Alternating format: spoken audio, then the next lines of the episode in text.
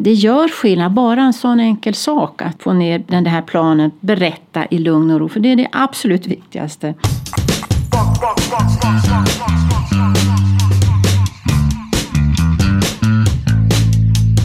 Du lyssnar på Akademiliv, en podcast från Sahlgrenska akademin. Jag heter Christer. Och jag heter Elin.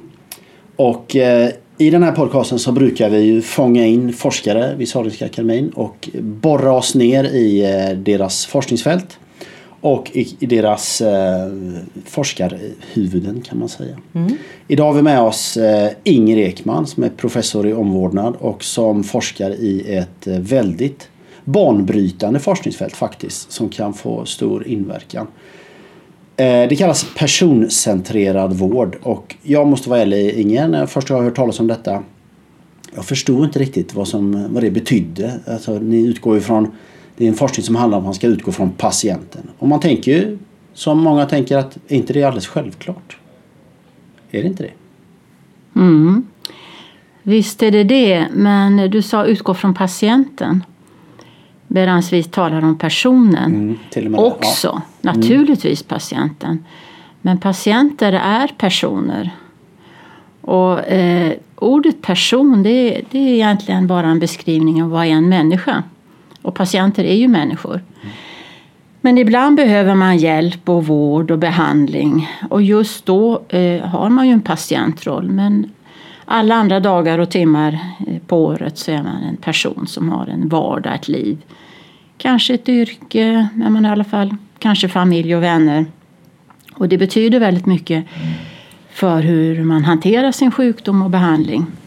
Hur man lever sitt dagliga liv. Och det är viktigt för professionella läkare, sjuksköterskor, sjukgymnaster och alla andra hälsoprofessionella att eh, känna till mer om det. Och det är det vi har undersökt och faktiskt också utvärderat. Har det någon effekt om man har den här eh, medvetenheten med sig. Man försöker aktivt, praktiskt också i vårdvardagen att se en person också. Mm. Men är inte det en, en självklarhet ändå alltså i, i vården idag att man utgår från personen? Gör man inte det? Varför är det inte en självklarhet? Eh, ja, det handlar väl också om att, att det tar lite mera tid eh, att lära känna någon. Eh, om vi bara ser på en, på, vi får en jag som, som sjuksköterska till exempel möter en patient med en viss diagnos. Man ska ta ett blodprov eller hjälpa med mediciner. Då är det ju en, en eh, begränsad tid det tar. Det går ganska fort. Men om jag dessutom ska lära känna Elin, jag vet att du har två barn. Och, nu råkar jag veta det. Men annars hade jag fått fråga och vi hade samtalat en stund. Och det tar lite mer tid. Men det, det skulle hjälpa mig mycket, i, och dig också, när vi ska planera för, för eh, din nästa dag och nästa vecka och fortsättningsvis. Särskilt om du har en, en långvarig eller kronisk sjukdom. Vi har byggt upp sjukvården rätt mycket ifrån en modell med akut mm. sjukdom och bot. Där den stora majoriteten patienter idag har kronisk sjukdom och kan möjligtvis få lindring. Ganska sällan bot faktiskt. Men lindring om man lever ju längre. Medicinen har ju gjort fantastiska, haft fantastiska framgångar och det har kommit oss till godo i termer av att kunna diagnostisera olika sjukprocesser och också behandla i termer av att skjuta upp död mm. och också lindra lidande. Så det, det har tycker jag är Men varför tror du det tillgång. ser ut så i vården då? Varför är det just fokus på mycket bot, på akut, på... Alltså vad har lett fram till det? Och... Ja, det var ju eh, alltså uppbyggnaden, den nya moderna medicinen som, som Foucault bland annat har beskrivit på 60-talet handlar ju om att ha kontroll över smittsamma sjukdomar eh, och sjukdomar som man måste kontrollera och, och eh, bota annars kan de leda till död. Vi har ju penicillinet och, mm. och andra behandlingsformer som, som har varit fantastiska i termer av att, att vi kan leva längre. Men det är som sagt inte den stora eh, volymen patienter och sjukdomar idag som har den karaktären utan det handlar om, om just långvarig och kronisk sjukdom. Mm. Det här är ju ett ganska, eller ja, ett väldigt nytt fält. Um, hur kom du själv i kontakt med, med det här personcentrerad vård? Ja, det är länge sedan. Det var 1996 tror jag det var som jag gick en kurs i personfilosofi och blev otroligt intresserad av, av vad det här, vad är det? Vad är en människa? Eh, eh, jo, en människa är en person och en person vet, en människa vet alltid att man är en människa. Kanske till skillnad från djuren. Så att eh, eh alla människor har en, en vilja och livskraft och en medvetenhet som är viktigt att, att vi alltid i, i som professionella hälso och sjukvården är medvetna om. Det är inte så att även om man har en demenssjukdom fortfarande vet man om att man är en människa. Och man har tankar och funderingar och en vilja. Men det här kräver ju stor skicklighet av eh, professionella förstås. Att eh, kunna se det här och lyssna, eh, iaktta och, och använda sig av de här resurserna som alla människor har. Men eh, jag, upptä- eller jag eh, lärde känna det här begreppet då i den kursen. Men sen efteråt i de studier som jag själv har gjort och doktorander och studenter, eh, olika arbeten, så har vi sett att det här är ju en väldigt viktig aspekt och del av sjukvården som vi tycker har fått otillräcklig uppmärksamhet. Vi vill inte tona ner någonting annat i den utveckling och forskning som görs här på Sahlgrenska akademin och över hela världen inom medicinen och inom alla hälsodiscipliner. Men det här har fått för lite uppmärksamhet uppmärksamhet för vi har kunnat visa i en rad kontrollerade studier att det är oerhört effektivt. Mm. Vi ska, komma, vi ska prata lite mer mm. om era, våra, era forskningsrön. Så. Men jag mm. tänker kanske i den här diskussionen att man skulle kunna utgå från ett konkret exempel. Mm. Och eh, jag är själv just nu engagerad i en moster som är 92 år. Mm. Och som åker eh, ut och in på sjukhus kan man säga. Hon har eh, en sorts kronisk inflammation i lungorna bland annat. Då och hjärtproblem och annat. Och, så. och man inser där, om inte annat, vad en personcentrerad vård faktiskt vill åstadkomma. Då. Därför att mycket av de mötena vi gör runt min gamla moster, hon heter Margot, mm. sker ju på något sätt över hennes huvud. Och, eh, jag kan referera till ett möte vi hade, det görs en sån här vårdplanering med min gamla moster när hon ska skrivas ut. När hon är tillräckligt frisk tycker sjukvården att få skriva ut henne. Så för det första är ju kommunikationen mellan landsting och kommun ganska dålig. Kommunen är inte riktigt beredda att ta emot Margot med insatser och sådär. Men då hade vi ett vårdplaneringsmöte som det heter. Det var tre närvarande, två handläggare från kommunen, en från landstinget. Och min gamla moster hör lite dåligt och förstår ju faktiskt inte ens vilka är de här människorna. Varför sitter jag på det här mötet? Vad pratar de om? De hör inte. Och det utgår väldigt mycket från en sorts mall de hade framför sig då va och frågeformulär som eh, ja, min moster har svårt att förstå. Och kontentan av det är att när vi gick ut från det här mötet så rycker ju Margot mig i armen och frågar Vad händer nu? Mm. Vad är det vi ska göra? Liksom? Mm. Eh, och jag bara tänker om man då är 92 år, första gången man då kommer till sjukvården. Hon har varit klarat sig själv eh, i alla, alla år. Bor hemma utan städhjälp någonting. Nu blev hon sjuk i lungorna och kom in första gången då. Hur skulle du vilja att det mottagandet såg ut? Alltså, ur ett personcentrerat sätt. Hur bemöts min moster i detta läge, tycker du? Mm. Jag tycker att, att det första dygnet, kanske helst de första tolv timmarna som hon kommer till sjukhuset när hon har så att säga fått uh, sin säng och lugn och ro och uh, kommit i ordning. Att hon där i lugn och ro, kanske tillsammans med dig, få berätta. Mm. Vad var det som hände? Eh, eh, hur kom det sig att jag sökte? Eller hur mår jag nu? Och, då kanske många tänker ja men det gör vi alltid. Men eh, det ska ske i lugn och ro och framförallt lyssna noga till det hon berättar. Mm. Och sedan eh, då tillsammans med den expertis som jag som läkare eller vilken, det kan vara en sjuksköterska, ofta är det det, som tar emot den här berättelsen så kommer man tillsammans som steg två överens om vad ska nu hända som plan. Och det är väl lite det du, du beskriver som många säger, ja, men det gör vi redan. Men det ska göras tillsammans Ja. med Margot. Och med dig är det ofta anhöriga med. Är inte anhöriga med får det, måste det, och det kan de skickliga professionella eh, faktiskt diskutera med den enskilda patienten på så sätt att det ska kunna kännas bra och att hon är med. Så att nummer ett, lyssna noga och, och det är det eh, som jag tror är ett stort problem för många, så att vi hinner inte det. Eh, och nummer två, en plan, en hälsoplan kallar vi den, men den formuleras tillsammans. Och I många år, lite om... Ja, förlåt. ja, I många år så, så i alla fall, det finns regler och be, bestämmelser. Det, ska, det heter kanske genomförandeplan eller vårdplan eller eh, liknande inom olika kontexter i sjukvården. Men det görs inte tillsammans med Nej. eh, patienten, i det här fallet Margot. Och Nej, det är en stor skillnad. för att och vi har ju studier haft, ofta är eh, patienter mellan 80, 90 upp till 100 år. Det är inte ovanligt idag. Mm. Och heller inte din moster verkar inte vara demenssjuk. Nej, och ändå kändes det nej, men lite glömsk och, och jag menar... det men och det, absolut klara sig själv och liksom inget... Eh, Precis. Och det kan man bli som yngre också känner man. Jag förstår inte vad de säger, vad fort det går. Och man hänger mycket inte av den med. förvirringen beror ju också på att hon byter den här miljön. Ja. Hon hamnar i sjukhusmiljö med okända människor. Ja, men jag precis. tänker en stor oro hos min moster är ju när kommer jag hem? Mm. Hur länge ska jag vara kvar här? Vem är Och det kommer liksom lite nya personer Mm. varje dag. Hon vet egentligen inte vem hon ska prata Och det är svårt som anhörig också. Om jag frågar en sköterska där hur är det med Margot? Ja men det är Lena och hon är... Mm.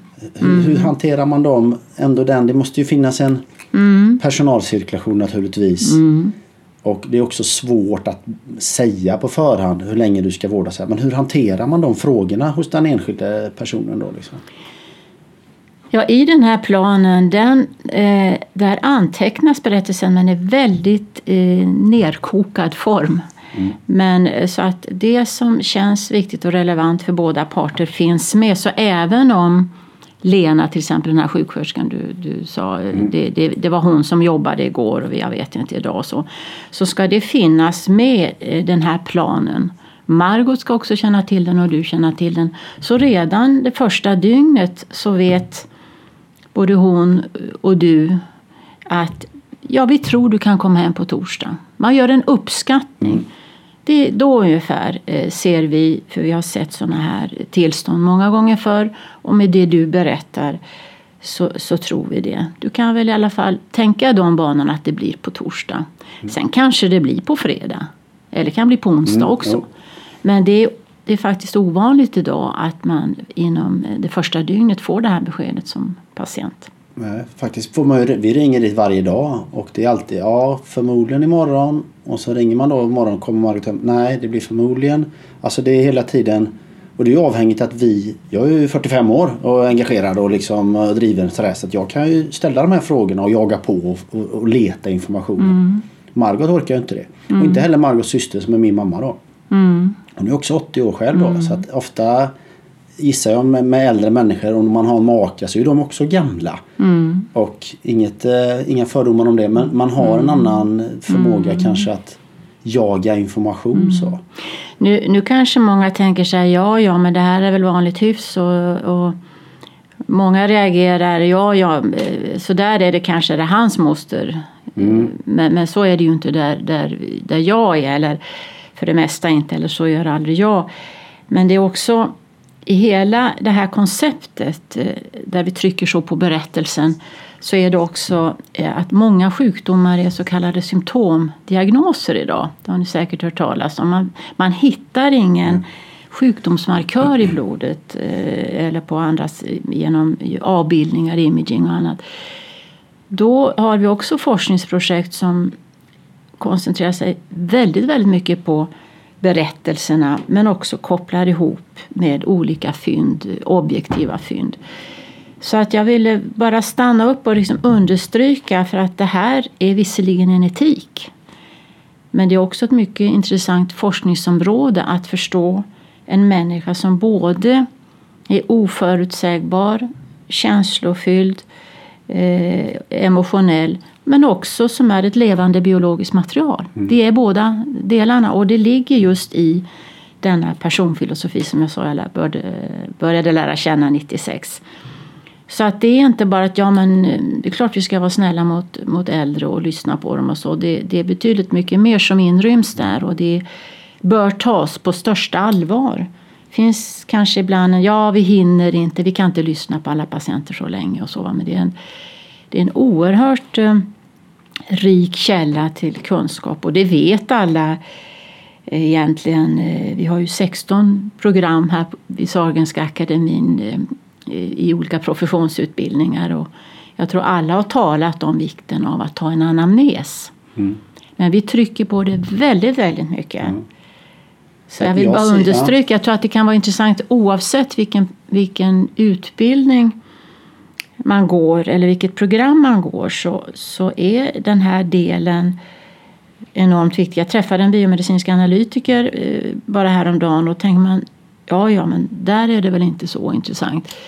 Jo, särskilt när de finns i det kliniska fältet, alltså tar prover, analyserar prover så att de också eh, ser den här delen som, som eh, viktig. Mm. Men det är väl mer eller mindre beroende på vilket yrke det är. Men det är, det är en del som definitivt måste lyftas fram mera tycker jag. Menar du att själva proverna kan påverkas av vilken approach en person har till en annan människa? Ja, vi vet ju väldigt lite eh, om, om hur, eh, alltså hur vi mår. Symptom är ju något man bara berättar. Symptom är inget man kan se. Ja, man kan ju se om någon är andfådd.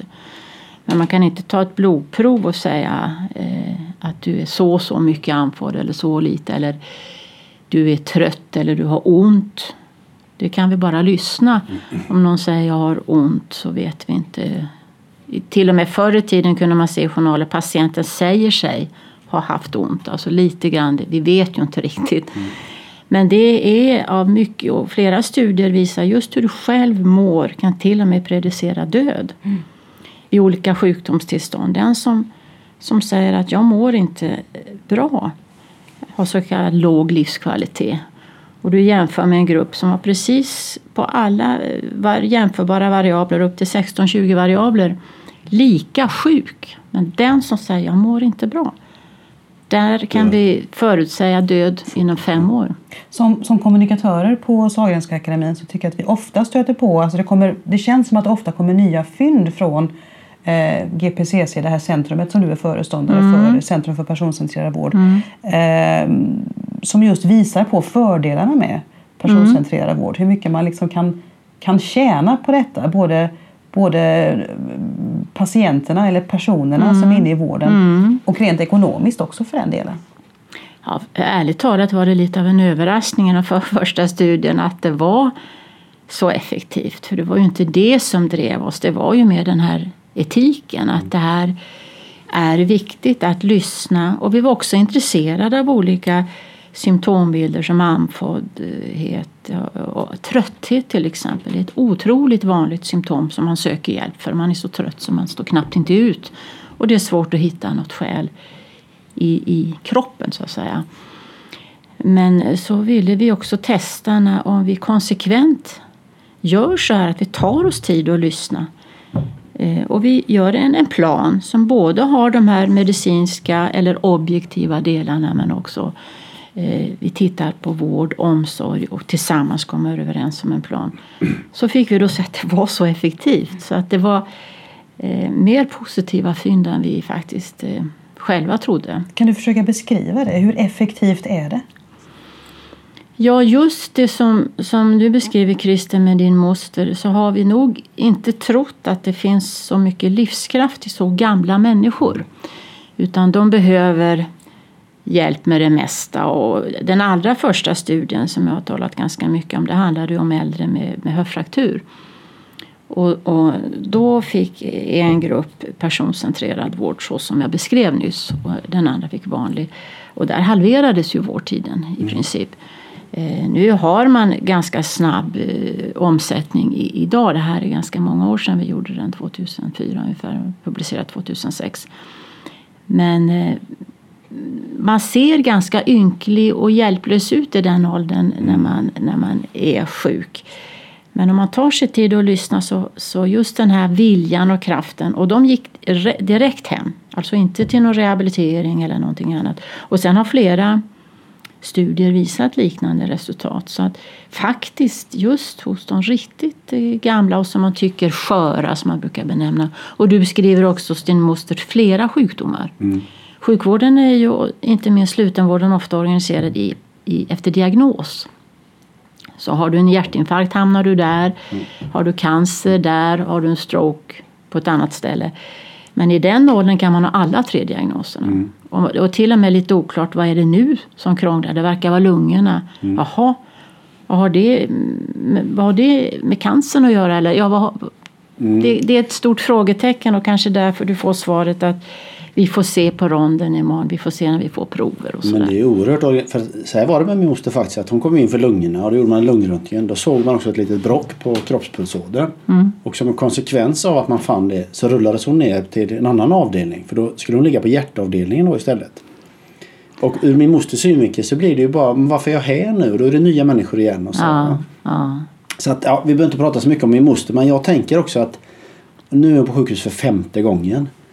Skulle du säga ändå, det jag tänker att om man från början hade lyssnat på, sett Margots behov på ett annat sätt, mm. inte bemött henne som den här skröpliga. För det är en ganska fascinerande gnista att se mm. en gammal människa i en sjuksäng. Mm. Den här livs, hur stark mm. den är liksom. Mm. Hur mycket hon kämpar för sin integritet och för sin, liksom, sin självständighet. Mm. Så, va?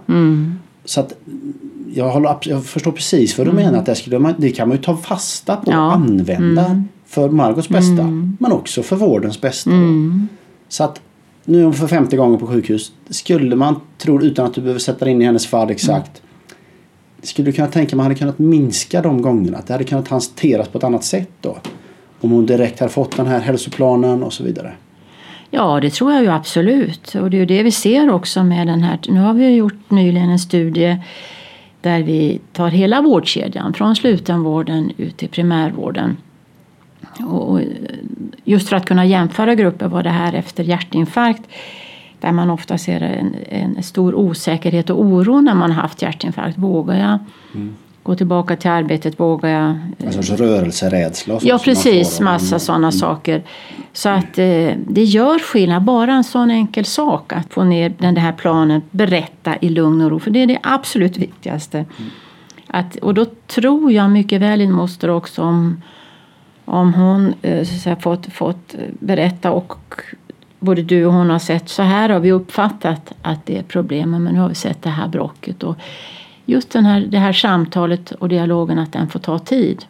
Men det finns, vill jag understryka också, många som har den insikten i hälso och sjukvården idag men det är inte systematiskt genomfört. Mm. Så den här första studien jag berättade om ledde Lars-Erik Olsson som var doktorand och han hade arbetat i ortopedin i 30 år tror jag, många år i alla fall.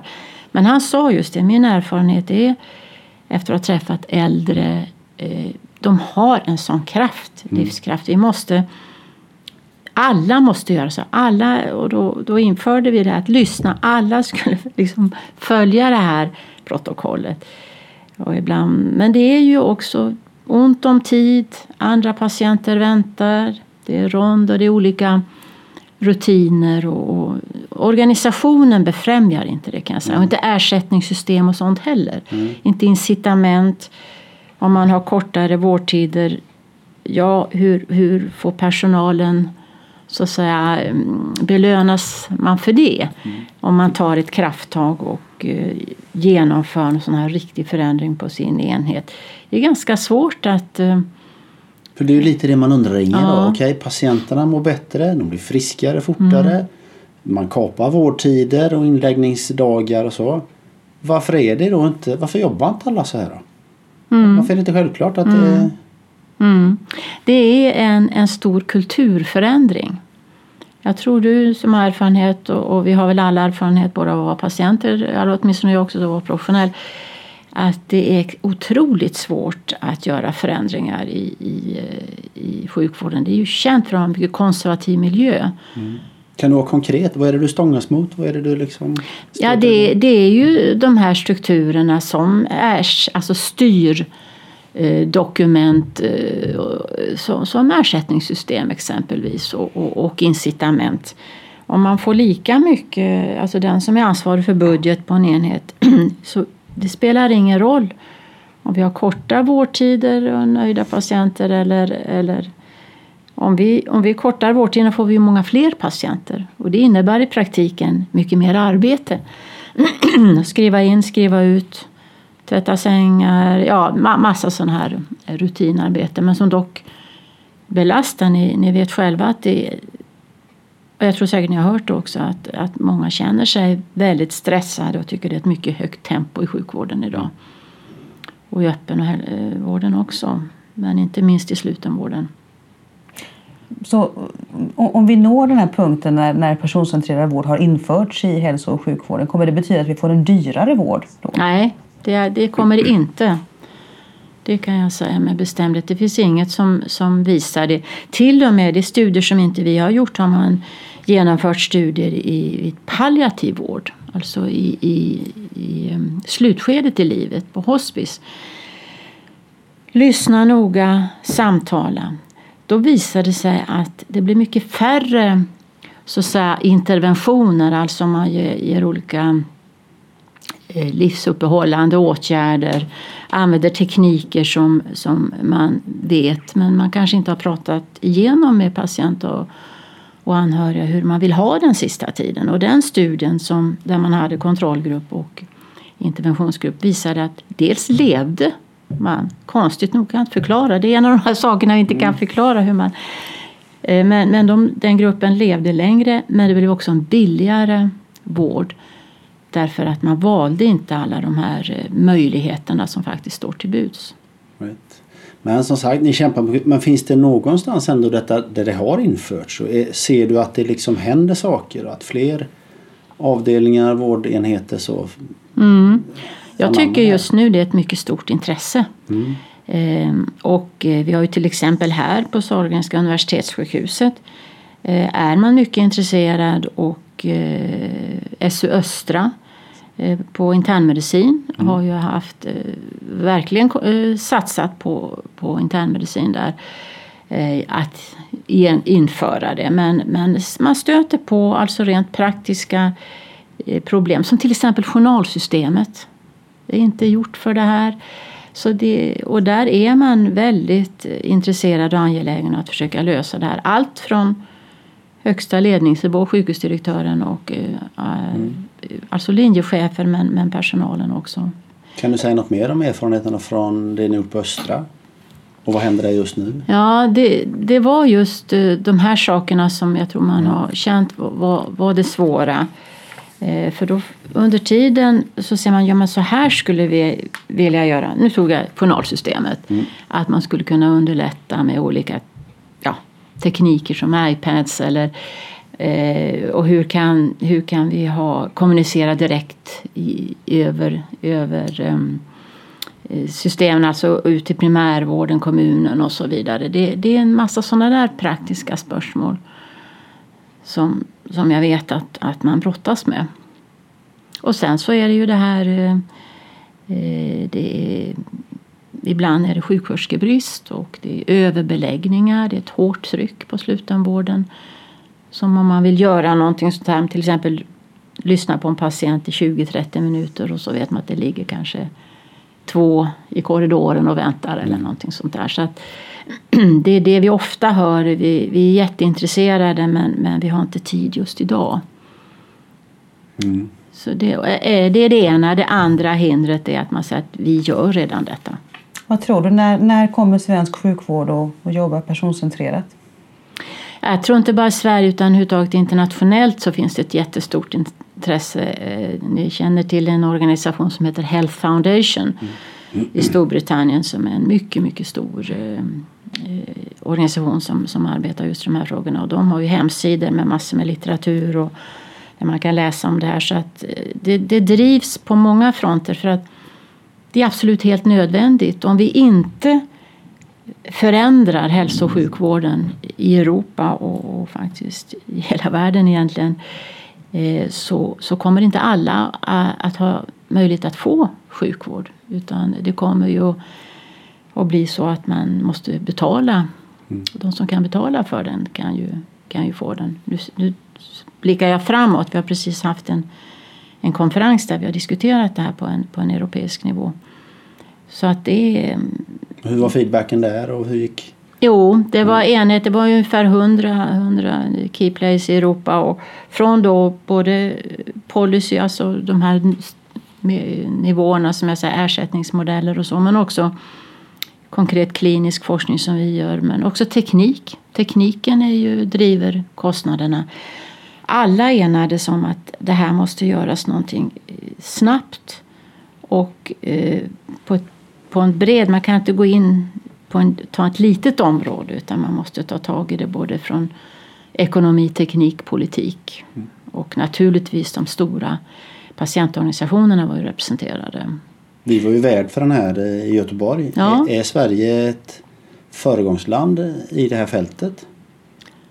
Nej, tyvärr visar väl inte eh, de kartläggningar som är gjorda att Sverige är ett föregångsland i alla fall när det gäller att patienters delaktighet. När man jämför med Europa så ligger Sverige, eh, när patienter rapporterar om de känner sig delaktiga, så, så är inte Sverige särskilt eh, framme där. Men eh, jag tycker det är positivt att vi har tagit ett initiativ och vi mm. kommer att eh, träffa kommissionen eh, nu i, på måndag och framföra det här. EU-kommissionen? EU-kommissionen, mm. ja.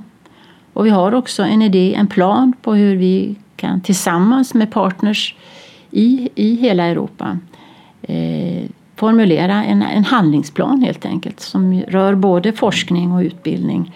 Hur vi kan komma till rätta med och få en, en hälso och sjukvård med kostnadskontroll fast med bevarad och ännu bättre kvalitet. Det är ju det som är målet. Mm. Inte bara spara och minska kostnader utan det, vi måste vara mån om att ha en god kvalitet. Hur lång tid tror du det kommer ta innan vi är där? Ja, det är ju för omöjligt att spekulera kring det. Men du känner dig stimulerad, det går framåt? Ja, det är liksom, uh, hoppfull? Det gör det. Nu har vi, jag har varit föreståndare för den här centrumbildningen i fem år. Och det har hänt mycket under de här fem åren och, och jag vet att ni har följt också. I början var, jag, då var det väldigt stora frågetecken. Vad är det här för någonting? Och är, det är väl inget och vad ska man med det till? Och, ja, det var frågor. Nu är det tvärtom. Man förstår ungefär vad det är men kan, kan vi få hjälp? Så hela regioner, landsting, sjukhus efterfrågar eh, att vår hjälp att, att, så att säga, facilitera, vara med och, mm. och hjälpa till att ställa om. Så att även om inte Sverige i vården är ett föregångsland så kanske vi är det i forskningsfältet ändå? Att vi är de som Ja, i alla fall när det gäller kontrollerade ja. studier så mm. då, då är det nog... Det är inte många som har gjort på det här sättet som har gjort för det är väldigt, väldigt svårt att göra en kontrollerad studie i en sån komplex miljö som hälso och sjukvården är. Alltså en, när man har två alltså klonade råttor så att säga i en labb, laborator, en labbmiljö. Då har man kontroll på, på det mesta men ska man gå in i, i en vård, det... Ja, då är det så mycket som kan störa. Det är mosters ja. systerson som kan komma och ställa frågor. Ställa frågor. Nej, men det, det är massor, massor med saker. Ska man Så att det, det är mycket komplicerade och också kostsamma studier. Men vi är glada att, att, vi har, att vi har kunnat genomföra dem och det är många inom GPCC som, som, där det pågår studier inom, inom flera olika områden. Och just nu var det ju eh, en avhandling som försvarades som handlade om själva organisationen. Som beskrev hinder och möjligheter och, och just det här att det är, är trögt och svårt så att vi måste ju vara medvetna om vad vi ger oss in i. Mm. Inger, du kom idag från en, eh, hit från en intervju med Svenska Dagbladet. Du åkte till Almedalen och pratade om de här frågorna. Du är eh, i debatten mycket. Vad ska du göra idag? I eftermiddag? I eftermiddag eh, jag, pinsamt just när jag tänkte vad, vad är det jag ska göra i eftermiddag? I alla fall, vi, vi måste ju förbereda mötet på måndag eh, med kommissionen så att vi är noga med varje minut vi får tala med dem så att vi får vägledning och råd hur vi går vidare i vår plan. Vi har skissat upp en plan som vi kommer att presentera. Så här har vi tänkt oss eh, att lägga fram. Eh, vad tror ni om det? Ska vi fortsätta på vägen? Och sen ska vi slutligen då eh, lämna fram den i, i eftersommaren. Mm. Inger Ekman, tack så mycket för att du kom hit. Det här var en eh, podcast från Sahlgrenska akademin. Eh, om du vill kontakta oss så kan du mejla till akademiliv.gu.se. Och du hittar oss på iTunes, Stitcher och eh, Soundcloud om du vill lyssna mer. Tack för att du lyssnade. Hej då!